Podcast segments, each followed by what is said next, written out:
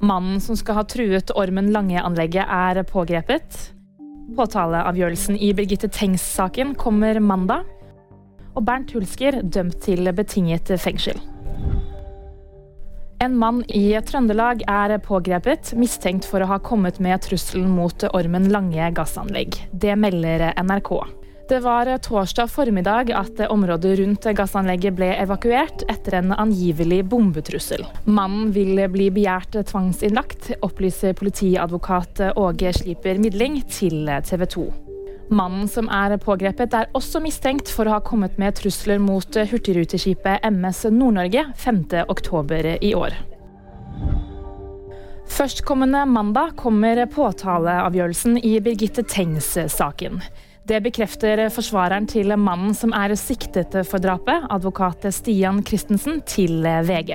17 år gamle Birgitte ble funnet drept nær hjemmet sitt 6. mai 1995. Den siktede mannen nekter for å ha noe med drapet å gjøre. Mannen ble pågrepet i begynnelsen av september i fjor, og har siden sittet i fengsel. TV-profil Bernt Hulsker er dømt til 18 dagers betinget fengsel for hatefulle ytringer. I tillegg er han dømt til å betale en bot på 15 000 kroner.